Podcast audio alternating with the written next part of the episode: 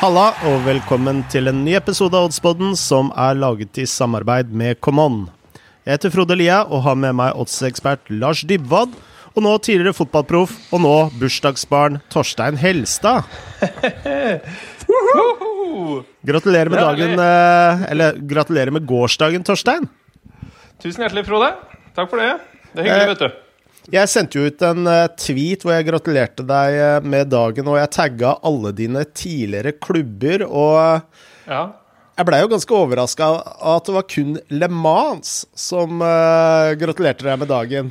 Og, og kosta på seg en like. Hva er det du har gjort uh, hos de andre klubbene som har gjort deg så upopulær? Nei, det som er at jeg har gjort meg veldig upopulær overfor dem som styrer sosiale mediene i de klubbene, tror jeg. Det er vel det det går på. Jeg, jeg veit ikke. altså At Le Mans er på, det, det, er, det er eh, morsomt, da. Det er det. Eh, At eh, moderklubben Fart ikke er der, det er mer skremmende. Så det må jeg ta når jeg skal opp til Hamar neste gang. Så du dratt inn Vang også, da. Det er jo nabofienden. Jeg har aldri spilt der, Frode, men det er veldig hyggelig at de også er med i sammen, sammenligninga der. Men um, nei, så har du noen andre klubber, da. Det vet ikke. De, er, eh, de har sikkert så mye å henge seg opp i uh, på sosiale medier uh, på andre ting som skjer om dagen. Så da blir en uh, 39-åring glemt fort, vet du, Frode. Jeg må, eh, jeg må ærlig innrømme at Fart de lika faktisk også min tweet. Eh, Men eh, når det kommer til Vang, så eh, er dette info tatt fra Wikipedia. Så nok et eksempel at man ikke skal stole på det man finner på Wikipedia. Alt bra med deg, Lars? Ja, takk. Alt er bare, bare vel. Veldig fint, faktisk. La oss uh, ja. Eh, Ja. Skulle du ha en morsom historie, noe, så jeg har ikke noe gøy på sparket, men jeg har det veldig fint. Ja, nei, jeg syns den tapeten din eh, begynner å bli eh, litt sliten. Eller vitsen om tapeten din begynner å bli litt sliten, så jeg lurer på om vi bare går videre til sist ukes uh, spill. fordi der hadde vi alle kopiert hverandre, egentlig, ved at alle tre spilte begge lag scorer i, i tre ulike kamper, og det gikk eh, så som så, Lars. Det gikk eh, så som så. Det, det må vi jo kunne si. Eh, Du hadde Arsenal-Everton, Frode. Begge lag skårer. Jeg fikk ikke sett det kampen, men det gjorde kanskje du? Ja, jeg så den, og jeg kan jo si at analysen var bare rett og slett bånn i bøtta. For jeg var jo sikker på at Arsenal eh, eh, skulle skåre et mål, men eh, det var de relativt langt unna å gjøre. Så det, der var analysen rett ut, for å, for å si det mildt. Vi kan vel spille inn der at, at noen i, på podden nevnte at eh, Everton UB for eksempel, kanskje kunne vært et eh, bedre spill, men eh, vi trenger ikke å dvele ved det så mye. Men, Ja. For det er veldig lett å være Altså, etterpåklok, og det gir ingen nytte. Ikke ja, vi nevnte det også i podkasten, men vi hadde jo en lang diskusjon om dette før sending. Og jeg sa vel aller Altså, helt til det sto igjen ett minutt igjen til sending, så var vi jo på eh, BU, eh, hvor du hadde overtalt meg. Og så sier jeg Nei, vi har så dårlig erfaring med å endre spill i siste liten, så vi går for den opprinnelige planen. Nå tror kanskje lyttere at vi kødder, men det gjør vi faktisk ikke. Du bestemte deg rett før vi gikk i opptak. Nei, jeg tar begge lag scorer. Det er ikke kødd engang. Det, du var standhaftig der. Men Lars skal ha for forsøket, altså. Du skulle ha han bort fra det legge- begge lag skårer. Nei, jeg, jeg kan, kan ikke gjøre noe mer enn det jeg gjorde. Det, det. Nei. Men eh, ja, som sagt, etterpåklokskap er ikke Men det er en nyttig øvelse i odds da, å analysere litt i etterkant. Selv om etterpåklokskapens lys er jo det skarpeste. Det er det ikke noe tvil om. Eh, ok, skal vi rusle videre til eh, Bournemouth eh, mot Brentford. Det var vel litt samme resultat, var det ikke det? i hvert fall? 0-1? Ble det ikke det? Jo, det var det. jeg, jeg trodde jo at den skulle komme da, når Brentford får en gammel Leeds-kjenning eh, utvist og så tar ledelsen. Så hadde jeg jo egentlig forventa at Bournemouth skulle skåre. Ettersom de har skåret såpass mye mål i det siste. Men Solanke viser igjen hvorfor Liverpool hentet han. og ikke brukt den, kan man vel si. Så da Nei, det er uh, triste saker, rett og slett. Altså. Men uh, Pontus Johansson han gjorde alt han kunne for å hjelpe oss i den kampen der, men det var ikke nok. Nei, uh, sånt skjer. Sånn skjer det. er jo, det er jo ikke sant, De avslutter runden i Born i Championship, så det er kanskje noen som er klare for stranda, men det burde ikke være det. Det burde ha blitt mål der. Mm. Men vi fikk i hvert fall inn én. Uh, Lans mot Nim. Der, det, der ble det 2-1 til slutt. Og til 1,80 odds så fikk vi litt tilbake der. Og eh, det ble litt det samme, samme, der, egentlig. Lans tok tidlig ledelse med en litt heldig scoring, og så fikk de rødt kort. Eh, og da så det jo ganske lovende ut der også, og der kom jo også scoringen. Eh, Nim skårte på straffe. Og hadde så en i tverrliggeren, men tapte til slutt faktisk mot uh, Lans med ti mann. Og det ser stygt ut for uh, Meling og hans uh, companions i NIM nå. Jeg kan jo bare, jeg kan bare legge til at uh, Meling han er, er, jeg sikker på ender opp i en ligaklubb neste år uansett. Eller neste sesong. For han har gjort det virkelig bra i uh, liga. Og han eh, blir skrevet om og snakket eh, mye om mm. i Frankrike. Så eh, selv om han mm. sitter på en lengre kontrakt der nede, mm. så tror jeg noen kommer til å bla opp de pengene. Offensiv back som bidrar med mye, selv om han står med veldig lite assist og, og målpoeng, så, så, er han en offensiv back som er involvert i alt som skjer på, på, hos NIM. Så det, du har helt rett, Frode. Han forsvinner nok til en eh, større klubb om NIM skal rykke ned. Nå hadde de muligheten til å få heng på Bordeaux med seier, og så taper de med 10 mot 11. Det er jo litt symptomatisk. Ja, og det var, de hadde jo en, et skudd i tverrliggeren der fra han uh, svensken uh, uh, Eliassen. Mm, mm. På 1-1, og så taper de, så det var nok, var nok, ikke mye søvn på NIM-folket etter kampen, tror jeg. Det stemmer. Nå er det fire, fire poeng opp. Men, men. men. Uh, I sum da, så ble det i hvert fall uh, et uh, underskudd da, på 1,2 units. Der, det er vi ikke glad for, men vi kan jo nevne da, for de som hører på oss prate utenom spillene, at vi hadde jo korrekt et underspill der i City Tottenham. Det var du som nevnte det, Torstein. Uh, jeg nevnte vel en U i Valencia Alaves. Den ble U. Vi snakket om Barcelona, de vant jo. Uh, så vi hadde en del gullkorn uh, selvfølgelig da, utenfor regnskapet. Og B, og BU i Arsenal-Everton. Definitivt. Så eh, hadde vi fått alle de spillene i regnskapet, så hadde vi jo hatt et, eh, et, eh, sunt overskudd. Men sånn er det ikke. Vi dreier oss inn til ett hver, stort sett, og det fortsetter vi med. Vi må være litt konkrete her. Så du, det du sier, er at vi er dårlige på å plukke ut de faktiske spillene våre? det, kan, det, kan, det, det kan virke sånn. Det er faktisk bedre å spille på de vi snakker litt sånn løst og fast om. Det er det du skal ha fram, eh, Lars. Det er liksom Litt heller på de tipsene. Det er i hvert fall de ja, som har slått mer til. Det, er, det skal sies. Ja, det er, det er, mm, vanskelig å si hvorfor det er slik, da. Men kanskje det er et eller annet som gjør at eh, jeg vet da søren, Kanskje man analyserer seg i hjel på de man skal snakke om på poden. For da må man eh, Nei, jeg vet ikke. Det er interessant, da. Men Sånn er det. Det kan også bare være den berømte eh, variansen. Bra. Eh, la oss gå videre til eh, helgens eh, spill. Eh, for eh, denne helgen syns jeg det var en del spennende, faktisk.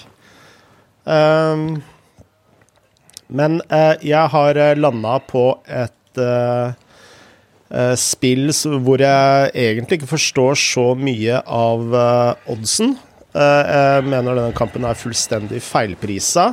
Samtidig så er det et eksempel på eh, Vi har jo snakka mye om statistikk her, eh, Lars, og vi har jo hatt en egen episode om odds-strategi tidligere. Og her er det en statistikk som vi har begge egentlig sagt at vi ser litt bort ifra. Begge lag, eller innbyrdes oppgjør.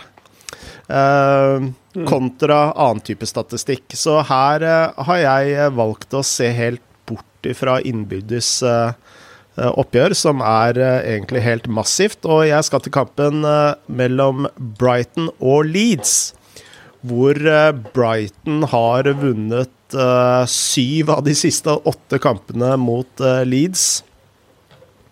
Og det er jo en massiv statistikk i innbyrdes oppgjør. Jeg velger å se fullstendig vekk fra den statistikken. Uh, og jeg må uh, ærlig innrømme at uh, jeg ikke forstår at Brighton skal være en favoritt til mellom 2,20 og 2,30. Og Leeds, som nå lukter på en europakvalikplass, skal stå til en startodds på 3,35. Det mener jeg er helt feil. Eh, og kan jeg også legge til at Leeds har De har vel tapt kun tre kamper på siste ti. Brighton har vel kun vunnet to på sine siste ti. Og ikke minst, det er et lag som taper mot det desidert dårligste laget i Premier League. Mens du har et Leeds som Og beklager at jeg skriver ett Leeds. Eh, det er jo en stor språklig tabbe her. Eh, men eh, det er et lag som da spiller uavgjort, med litt hell, riktignok, mot Manchester City. Og det sier mye om styrkeforholdet. I tillegg så har jo Bielsa Altså, han har jo ikke endra spillestilen, men det har vært noen veldig viktige justeringer der. Uh, hvis du ser på statistikken, så ser du at uh, ballbesittelsen til Leeds har gått betraktelig ned etter jul, eller egentlig etter januar. Og det tyder på at de er nå et mye mer direkte lag enn det de har vært tidligere i sesongen. Hvis vi ser på forrige kamp mellom Brighton og Leeds, så så var det en jevnspilt eh, kamp. Eh, de hadde omtrent like mange målsjanser uh, hver seg. Men nå uh, tror jeg Leeds er litt forbedra. Brighton Mange har hevda at Brighton har vært det mest undervurderte laget i, i Premier League. Og mange har sagt det veldig lenge. Men jeg tror folk blir veldig blenda at de prøver å spille såkalt fin fotball. Men eh, kvalitetsmessig så har jeg Leeds langt høyere enn det Brighton har. Og selv om eh, Brighton har mye motivasjon, med tanke på at de er bare syv poeng over kvalikplassen, så har søren meg Leeds det også. De har hengt på en eh, europakvalikplass og et Leeds-lag som alltid går ut i 100.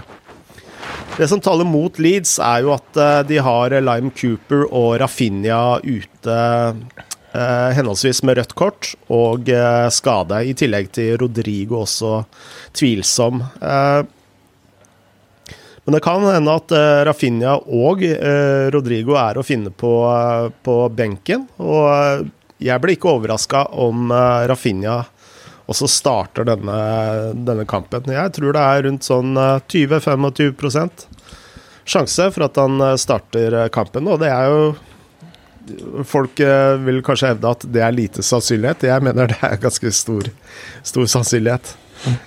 Så her mener jeg markedet priser denne kampen veldig feil. Det er nok en stor uavgjort fare her, så det har jeg lagt litt høyde for i mitt spill. Så jeg kommer til å spille Leeds pluss 0,25 Asian Handicap til 1,94 i odds hos Common. Og da forklarer du sikkert kjapt hva 0,25-handikappet innebærer. Så bare sånn at vi får repetert Det Det er ikke alle som er vant til disse handikappene. Det betyr at hvis kampen ender uavgjort, så får du en halv seier. Og hvis Leeds vinner, så får du en full seier. Meget bra forklart. Men eh, vi, vi kan, kan, vel, ettersom jeg uh, syns Leeds er ok gode, da, uh, og holder jo litt med dem, i hvert fall Så Nei, men den store forskjellen som du sier etter vinter, er at de, de slipper jo ikke inn så mye mål som de gjorde før jul. Det er liksom det som er hovedargumentet her. At de har jo stramma inn veldig bakover. Mm. Begynt å holde nullen i flere kamper også. Så um, og det er positivt. Og Rafinha har jo vært en åpenbaring. Om han er i Leeds til neste sesong, så er vi happy for det, altså. For det har jo vært han viser jo at han har et enormt uh, potensial uh, inne, og det er jo gøy å se. Så, um, og så kan jeg ta med at Leeds også slo City borte, da, Frode, hvis du hadde husket det. Så Stuart Dallas skårte to mål. Ja, jeg, jeg sa uavgjort, så, jeg. jeg. Beklager. Du sa uavgjort, men uh, vi tar med oss de der fine seierne. det var vel det andre Manchester-laget som uh, også er ganske kjent. De spilte uavgjort mot uh, det ja. var vel sist. Stemmer. Beklager, stemmer. beklager det. Men jeg, har, jeg, er veldig enig med deg med dette med head-to-head-statistikken, Frode. Og ikke minst fordi Leeds Brighton så ligger jo Bortsett fra når de møttes eh, i januar, da, så er jo alle disse møtene er jo i championship for uh, fire-fem år siden og lenger, så det er jo egentlig ganske irrelevant. Men jeg har en annen kul statistikk her, og det er at Leeds har spilt fire bortekamper mot, uh, mot bunnlagene. da, altså det er bottom seks uh, eller syv, eller ja, det er vel seks. Og de har vunnet fire, spilt ingen øvert og tapt ingen. Så det er jo 10-2 i målforskjell. Mm. Mm. Så mot, mot Altså, Du skal ikke si at Brighton og Fulham spiller likt, eller, eh, for det gjør de jo virkelig ikke. Men fall, det er i hvert fall ikke noe dårlig statistikk mot lag i samme tabellområde. Leeds er gode til å ta seg av, eh, av bunnlaga med alt de kommer med av eh, motivasjon og, og krefter. Mens Brighton er ikke like heite mot, mot de fleste, egentlig. Men vunnet én av seks kamper mot, hjemmekamper mot lag midt på tabellen. Sånn. Litt sånn nølete statistikk, men støtter veldig spillet ditt. da. Eh, jeg kan jo legge til at eh, jeg hadde to spill til som jeg så på, begge i league A. Og det var et eh, underspill mellom Dijon og Metz, hvor du får rundt litt over 1,70. Og så syns jeg renn i Bordeaux-renn til rundt 1,80 også så veldig, veldig spennende ut. Men jeg tenkte at denne kampen her hadde mest verdi. Bra. Vi, jeg, jeg, noterer. Bra. Skal vi komme oss videre? Hvem er nestemann? Eh, det tror jeg er deg, fordi søndag klokka tre, da har du eh, et spill.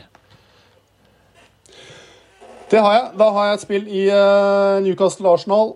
Eh, i eh, sjølveste Premier League. Og eh, jeg har tenkt å spille Newcastle pluss plus en halv, altså HU, at Newcastle ikke taper den kampen. Og jeg tror Jeg kan ikke vite det, men jeg tror at ved å spille det, den kampen litt tidlig, før Arsenal spiller Europaliga i kveld, da, for dette spilles inn på en torsdag så tar man selvfølgelig en viss risk når det gjelder oddsutviklingen og skader osv. Men jeg tror sjansen for at oddsen på Newcastle synker, er større enn det motsatte. For jeg tror kanskje markedet våkner mer opp til, eh, til eh, ja, hvor meningsløs egentlig denne kampen er for Arsenal eh, etter, etter i kveld. Da. Klart, her er motivasjonen vesentlig.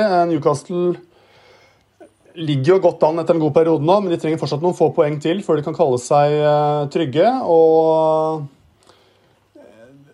nå vet jeg ikke hvor mye sånt motiverer, men uh, de har jo også åtte poeng uh, opp til uh, poengsummen fra i fjor, da, 44 poeng. Men det er klart, det å overleve er, er førstepri, og de, de, skal nok ha noen pinner til på tavla før de kan kalle seg trygge. Og de har jo igjen bl.a. Manchester City, nå er ikke de så mye å spille for, riktignok, men Leicester bl.a. Uh, som jo er uh, litt gufne kamper. Sheffield United, der bør de vel ta tre poeng, men uh, you never know. Og så har de en veldig, potensielt veldig guffen siste kamp mot Fulham, da, som er det, laget som har størst sjanse til å tale med igjen i siste serierunde. Og klart det å unngå noe thriller der er, er, interessant for Newcastle. Så jeg tror ikke det er noe tvil om at Newcastle kommer topp motivert denne her. Og de har jo også gjort det veldig mye bedre siden slutten av februar. Bare tapt én av åtte seriekamper. Eh, spilt mye uavgjort. Og de siste par månedene så er de det ellevte beste laget i Premier League. Og eh, langt unna det, det, svake laget som de er totalt, på 16.-plass. Eh, det ene tapet i denne rekka var et håpløst bortetap mot da, nettopp Brighton da, i midten av mars. Etter det så skal spillerne ha, ha hatt en slags samling i bånn og bestemt seg for at uh, her må det skje et eller annet.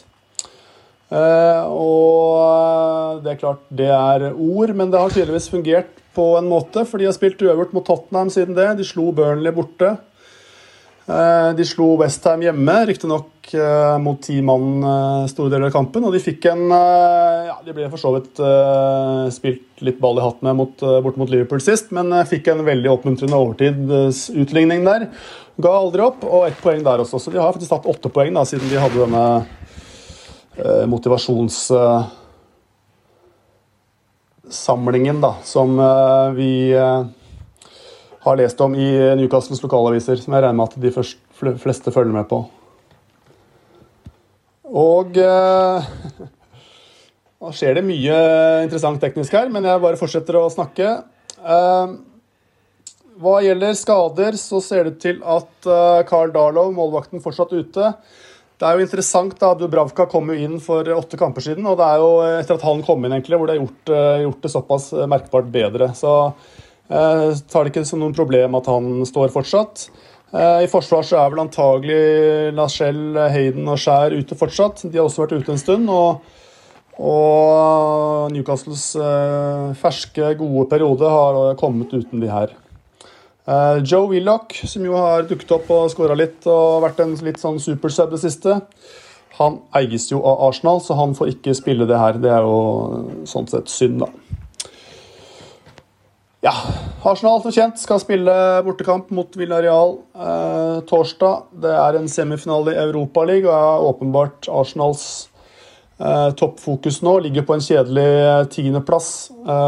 kan glemme å kvalifisere seg til Europa eh, den veien, og spiller jo egentlig bare om småposisjoner. De blir vel mellom eh, ja, hva er som er, mellom 9 og 12, egentlig, uansett hva som skjer. Og Det er noen millioner pund her og der, men det er ikke, jeg tror ikke det er nok til å drive spillerne ordentlig. og Nå er, det, nå er denne bortekampen mot Newcastle er jo en sånn eh, sandwichkamp inneklemt mellom to semifinaler i Europaligaen. Så jeg tror det er ganske opplagt at alle som har småsmeller, sånn som f.eks. Tierney, Aubameyang, Lacassette, som jo nå regnes å være tilbake og, sannsynligvis får spille i kveld. Kan ikke tenke meg at de risikeres, i hvert fall ikke alle tre, mot i en ganske meningsløs bortekamp mot Newcastle. Eh, og kanskje også Ødegaard. Han blir vel også matcha litt forsiktig, tenker jeg, i disse tre kampene på åtte dager nå, etter å ha hatt litt skadetrøbbel, han også. Så får vi se åssen Arteta disponerer han. Eh, Louise er jo fortsatt ute så er jo Arsenal ikke sant? De har jo ja, de har ti poeng mer enn Newcastle. Heller ikke noe kjempeform. Siden slutten av januar har de vunnet fire av 13 seriekamper. Så jeg syns, bare basert på resultater alene, syns jeg oddsen egentlig er god nok. Og når du da tar med motivasjonen her til Newcastle kontra det jeg vil anta er motivasjonen til Arsenal, så syns jeg HU eh, da, til 1,96 eh, jeg syns det lyser eh, verdi lang vei, faktisk. Så det blir eh, mitt regnskapsspill denne helgen, rett og slett. Jeg er helt enig med deg at uh, dette er en kamp som mm. også er ganske feilprisa. Senest i dag tidlig leste jeg en lang sak i The Athletic om forskjellene mellom Unai Emeris Arsenal og Artetas Arsenal, og jeg bare legger merke til hvordan stemningen er så mye mer positiv til Arteta enn Unai Emery, da også i denne artikkelen, og det mm. tror jeg også oddsetterne eh, har litt i bakhodet. Men man kommer ikke unna det faktum at Unai Emery har et betraktelig bedre vinn-prosent enn det Arteta har med Arsenal. Eh, jeg mm. tror hele perioden med Arteta har vært en enorm skuffelse, selv om eh, han har jo forbred, for, forbedret uh, det defensive så er det jo langt unna det potensialet det laget i utgangspunktet skal ha.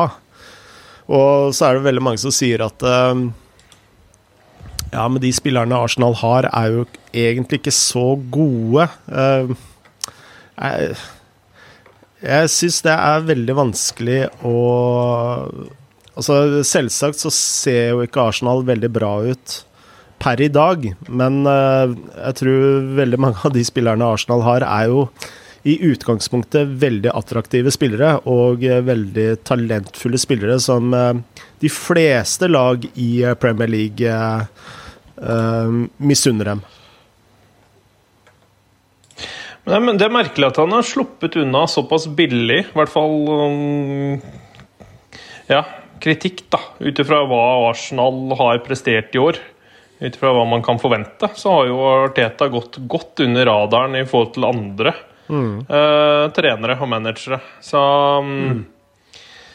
ligger det dype nå. er det jo litt spennende, da, etter at det der superliga-greiene om, uh, om det er noe Spotify og noen gamle helter som skal inn og redde klubben. Det er jo veldig mye diskusjon på akkurat det der, og Wenger tilbake og ikke sant? Det er jo akkurat sånne ting som går inn i hjertet til supporterne, da. Det skjønner jeg jo. Mm. Om uh, Kronke, er det det heter? Kropke? Kronke? Er ikke det heter han eieren? Ja. Kronke. Ja. Han sier at det er jo helt uh, han, Det er ikke snakk om å selge. Um, og så er det kanskje for dyrt da å kicke Arteta nå. Jeg vet ikke, Det må jo være et eller annet. Et som, han virker jo som han har full tillit fra dem, da, i hvert fall. Ja.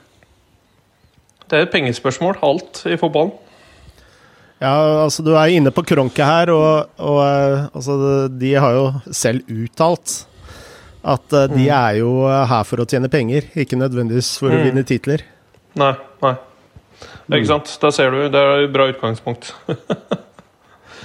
du tjener jo ikke så veldig mye penger med å havne på en tolvteplass, da. Nei. Nei, det blir jo ikke all verden. Men, eh, men, jeg har vel en følelse av at øh, I hvert fall det jeg har hørt sånne, fra engelske journalister, og sånn, så virker det som om de, de tilgir Arteta litt fordi ja, rett og slett det med Kronk og hele strukturen i klubben er det er en litt sånn underliggende problemer da, som gjør at det kanskje er vanskeligere å, å få det til. Men det spørs jo hvor lenge han kan leve på det. Arteta, da. Mm. Mm. Det er klart En, en semifinale i Europaligaen hjelper jo. Hvis de kan få et resultat der i tillegg å komme til finalen, så ja, så er jo det et uh, en fjær i hatten, kan man jo si. Ja. Men uh, mens vi er inne på Unai Emery, så um, Altså, de forholdene med tanke på Kronke uh, var jo der også mm. da han var der. Men mm. han gjorde et intervju med spansk presse for et par dager siden, og, og da mente han at den store utfordringen hans i Arsenal var faktisk språket. Og det snakka vi kanskje om i siste mm. episode òg. Mm. At han uh, rett og slett uh, klarte ikke å kommunisere med spillerne sine på samme måte som han uh, gjorde med franske lag. Nei, spanske. Unnskyld. Spanske. Mm. Ja. Ja, det, det, er jo interessant, da. Det, det virker liksom så banalt og pussig at uh, man skal i den bransjen der hvor det milliardene flyter over bordet, at, at uh, man skal ikke ha gode nok språkkunnskaper. Altså, jeg syns bare det virker rart, både de som ansetter og de som blir ansatt, at, uh, at språket skal sånn Å, fader, jeg kan jo ikke språket, nei. Men så skal det sies, da Du slår du ut Real over to oppgjør, får United i en finale og slår United for Europa til neste år. Så er det liksom sånn her Ok, da legger vi vekk at vi kommer på en tolvteplass. Vil jeg tippe, sånn utad med Arteta, og så får du et nytt år å jobbe med. Det, det er jo sånn det er. Mm. Så enkel er jo fotballen til tider. Dessverre. ja. Så kan det vel tenkes at presset på managerne denne sesongen har vært litt lavere, siden ikke det har vært noen fans ja. som kan eh, reagere på tribunen. Ja. Det blir kanskje litt mindre trykk mot trenerne når ikke fansen kan gjøre sin misnøye hørt på samme måten som de kan når de er på tribunen. Mm. Det har ikke vært noen hvite håndklær i Madrid, eller tørklær. Det har ikke vært det, dessverre. Nei.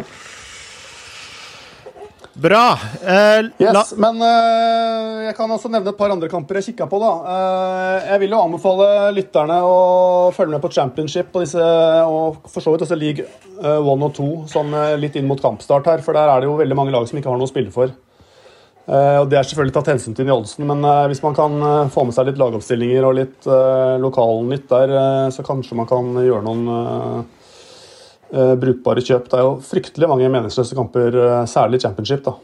Mm.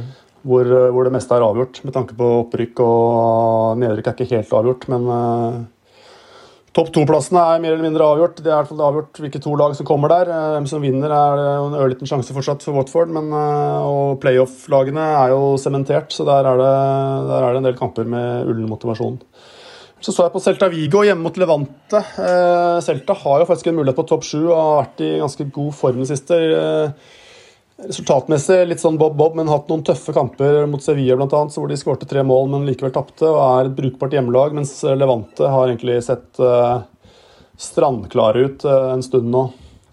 Så jeg syns 1,76 der er litt interessant. Og så har du en sånn klassisk sånn uh, Serie A U-kamp i Bologna-Fiorentina, hvor begge lag lever veldig godt med, med ett poeng. Så hvis det ikke er noen store skadenews eller noe der, så tror jeg den U-en uh, Kan ikke garantere at den går inn, men jeg tror nok det er verdi i hvert fall.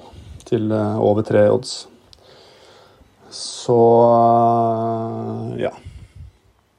Kan også nevne kjapt PSG hjemme mot Lans. Lans har tre forsvarere suspendert, pluss tror jeg to-tre skadd mer eller mindre alt av forsvarsspillere ute. Og det er vel noen PSG-reserver der som kanskje har lyst til å gire opp litt. Så en minus én der kan også være et interessant spill, selv om det også er en sånn skvisekamp mellom to viktige kamper for PSG.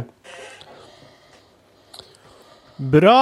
Uh, da er det søndagen, og, uh, og vi skal seint ut på kvelden.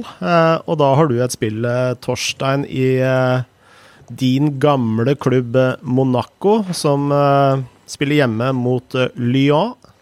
Og uh, her ja. uh, introduserer du et helt nytt type spill. ja.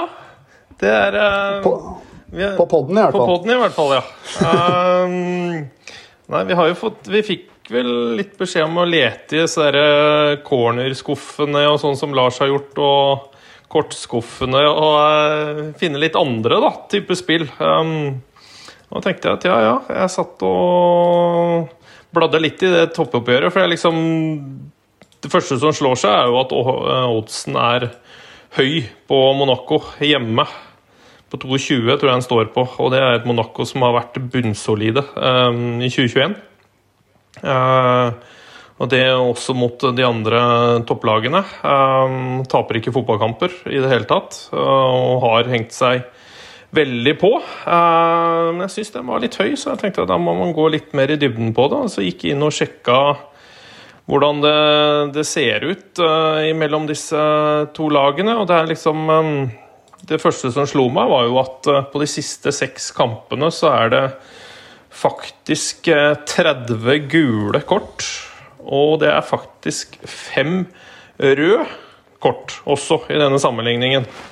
Og Det sier jo litt om at eh, det er ganske heftig oppgjør. Um, de spilte en cupkamp uh, 21.4 som uh, i Lyon. Monaco vant 2-0, og der hadde vi vel der hadde vi ni eller ti gule kort og ett rødt til, til Lyon. Så tenkte jeg da må vi gå enda nøyere inn, og da er det faktisk rødt kort i de tre siste kampene.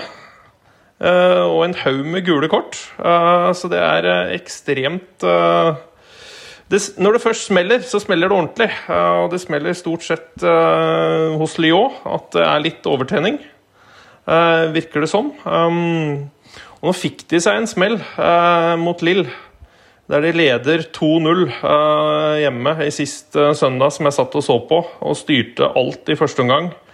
Så har eh, Lill en eh, tyrker på topp som eh, reduserer rett før pause, og så skårer Lill også to i andre. Og det er Nå er det det er enten eller ingenting for Lyon. De må vinne den kampen her for å i hele tatt ha en sjanse på å ta det gullet, som så veldig bra ut lenge. Så har de rakna litt på slutten, og nå møter de et lag som de ikke liker å spille mot. og Det ser man senest i cupkampen, når det smeller og blir røde kort og gule kort. Eh, og Det er litt sånn eh, kjenningsmelodien. Når de først mister litt hodet så drar de på seg en del eh, unødvendige kort. Det har for så vidt Monaco gjort òg. De har over 60, 60 gule kort i år. Det er ganske bra. Og de har vel en seks-syv røde også. De har vel uh, også. Det, det, er liksom så Jeg blir så overraska når man går inn og ser på sånne statistikker. Um, og i hvert fall at uh, det er ikke pent og pyntelig, alle de toppkampene. Det har jeg sett. Uh, og noen av de mister hodet. Um, og det var litt på hengende håret at det ikke ble rødt kort mot Lill sist også. Så um, Jeg tror det kan bli sånn her òg. Tar Monaco ledelsen her, og Lyon litt mer motgang og ser at det glipper, så kan det bli en del kort på, på guttene utover. Um, og da er det sånn at man skal prøve Jeg satt og så på I går kveld så satt jeg og så på over 3,5 uh, gule kort i kampen. Og da var oddsen på over 2. Nå er den på 1,57. Ja. Uh, det var voldsomt som den falt over natta. Da var liksom det var den jeg skulle kjøre. Tenkte at den var grei. Og så eh, ser man jo også på, på rødt, eh, rødt, eh, røde kort også. Og over 0,5. Den står til 4,35. Du er jo veldig tøff hvis du spiller på rød kort, selv om det er røde kort i de tre siste kampene. Så, mm, så kan jo det være et spill, hvis du har lyst til å ha en litt høye oddser. Ehm, jeg har eh, tenkt å spille Asian Handicap eh, Lyon pluss 25, ja. På at det er eh, Lyon som får mest gule kort. Den står til 1,80 hos Common.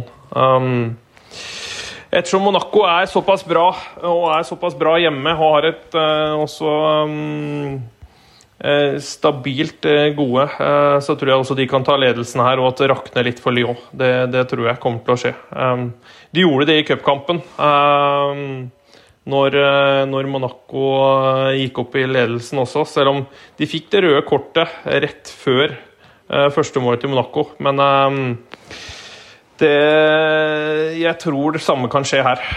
Og at Monaco veit at de trenger alle. Vinner de her, så har de hengt PSG, som Lars sa, møter Lance med et helt forsvar ute. Uh, vinner sikkert. Vinner eh, Monaco her, så er det greit å ha ikke dratt på seg altfor mange gule kort. Så jeg tror nok at litt mer sånn uh, Ja, hva skal vi si, da? Respekt. Egentlig. De holder seg litt med matta, tror jeg, da, kommer til å skje, enn at, uh, enn at Lyon, hvis de ligger under. Jeg tror det kan rakne litt mer der. Jeg har ikke så mye erfaring med kortspill, men jeg ser for meg at Eh, det laget som har minst eh, ballbesittelse, også er det laget som oftest får uh, kort. Uh, er jeg inne på noe der, eller, Lars? Uh, ja, det er vel sannsynlig. Altså, men nå, jeg har ikke forsket på de sammenhengene der, og da har jeg ikke lyst til å være så skråsikker på det heller. Men det er jo en, en logisk antakelse. Eh, men det, det, man klart ofte kan se etter korte kamper, er jo ja, jeg syns jo så Torstein er veldig inne på her, altså, Head-to-head-historikken er synes jeg mye mer interessant uh, når det gjelder kortspill. da. For det, det, kan være litt sånn grudgers som sitter igjen. og er, Man vet jo at det er noen lag som fyrer mer på hverandre enn andre. Mm. Og Her er jo den veldig overveldende, egentlig. Og så er det jo en kamp hvor begge lag må vinne. Du kan anta at det er noe, et lag som vil jage mål eh, hele tiden. Kanskje det blir litt høyere tempo i kampen. Tempokampen syns jeg ofte er eh, greit eh, å kunne forvente. Mm. Du skal spille på kort. For det er klart hvis det er seigt, eh, så blir det ofte ikke så mye av disse litt sene taklingene og sabotasje på kontringer osv. Uh, og Vi må vel forvente at disse to lagene, altså et av disse lagene kommer til å jage mål hele tiden. For uavgjort er jo egentlig ikke godt nok for noen av de. Og for, for Lyon er det jo uavgjort. Da kan du egentlig bare pakke sammen. Og det, det, det, er jo litt, Vi får samme kampbilde som vi fikk i Lyon Lill. Der begge lag eh, jager mål. Uh, og det får vi her også. så um, det blir nok mer åpent enn det pleier å være i de toppkampene. For det kommer, pleier å være litt mer lukka. og ikke slippe inn. Her må to lag jage. Og Da tror jeg det blir Det kan bli mer underholdende enn visse av toppkampene har vært i Frankrike. Den var bra, den Lyon-Lill nå. Um, mer åpent enn man hadde forventa, men det blir litt sånn når Lyon tar ledelsen 2-0. Så må du i hvert fall jage som Lill, men um, mer åpent enn forventa at det blir her også. Så ja, det kan bli en del mer etterslenginger og litt mer sånn der, taktisk, da spille bort ballen, kjefte på seg, Uh, den skal du ikke se bort fra. Der er jo franskmennene flinke. Nei, og det er klart Her trenger du jo strengt tatt ikke så mange kort heller. Hvis man, eh, altså det eneste du trenger, er at Lyon får et kort mer. Mm. Uh, og ja, nå har vel litt av den hjemmebiasen som vi har snakket om i forbindelse med korona, den, den er jo ikke der i og med at det ikke er noen tilskuere, så det er ikke noe press på dommer sånn sett. Men uh, det er vel fortsatt gjengs at bortelaget i snitt får litt mer kort, og at laget som på en måte har mest å som er i angrepsposisjon, da.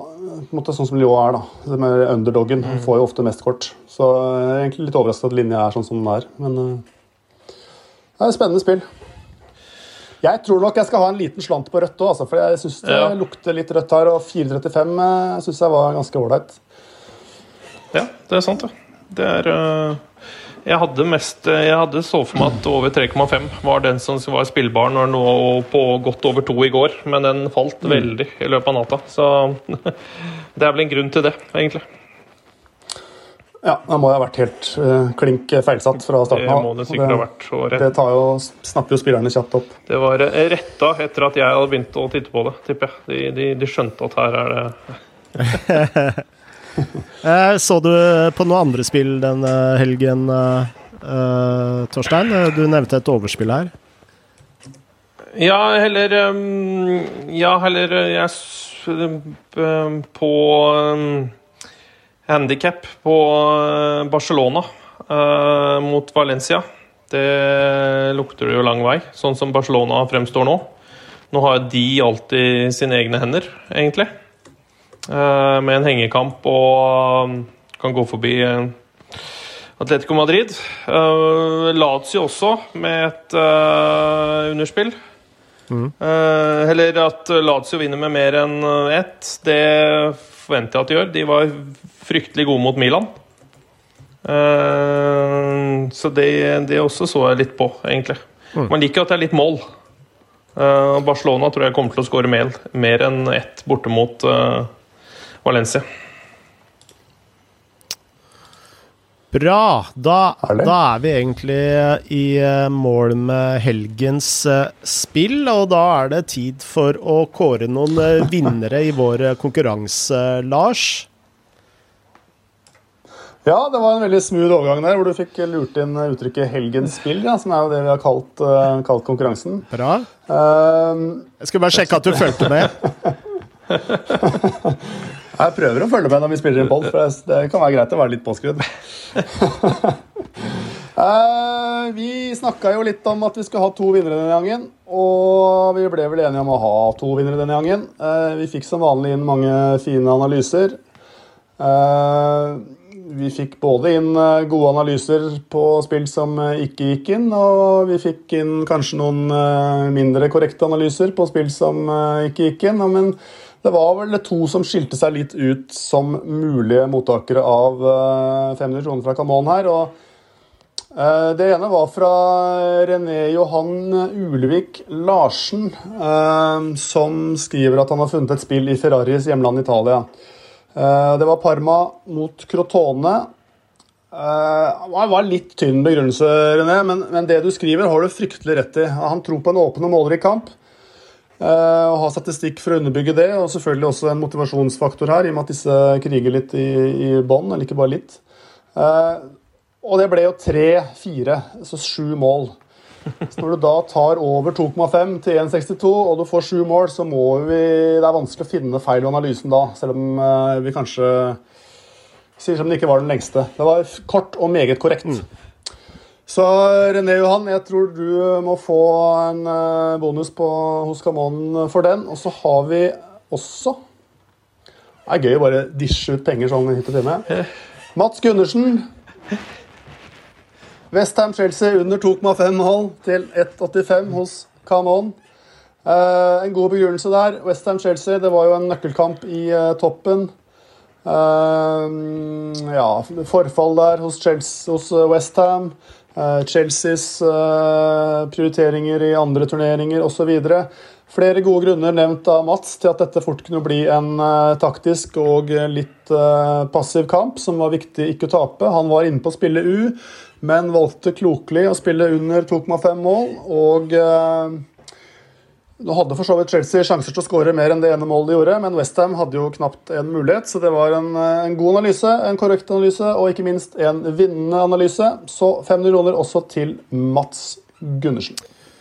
Grattis! Ja, og vi har eh, konkurranse neste helg eh, også. Og hva gjør man for å bli med i konkurransen, Lars?